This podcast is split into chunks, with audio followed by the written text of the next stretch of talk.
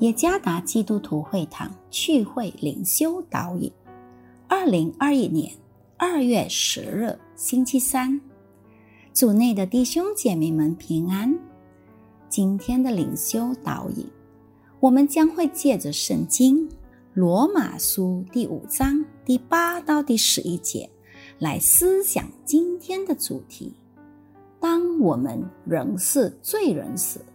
作者。古发起牧师，《罗马书》第五章第八节：唯有基督在我们还做罪人的时候为我们死，神的爱就在此向我们显明了。现在我们既靠着他的血称义，就更要借着他免去神的愤怒，因为我们做仇敌的时候。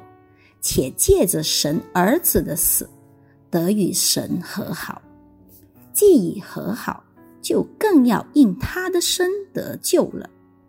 不但如此，我们既借着我主耶稣基督得与神和好，也就借着他以神为乐。爱，奇妙的爱，加略山牺牲的爱，爱。奇妙的爱，将上帝从天上带来。虽然我曾与你为敌，但你仍将我寻回。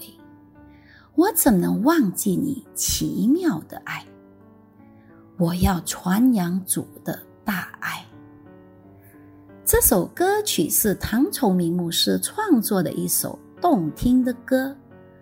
让我们想起神的爱，寻找我们这些罪人。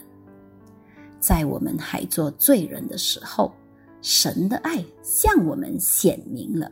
第八节，即使我们做神的仇敌时，第十节，神的话语也提醒我们，神爱我们，甚至表现出他对我们的爱。这太奇妙了。因为普遍来说，人类爱充满良善的人。人们通常会爱与自己有良好关系的人。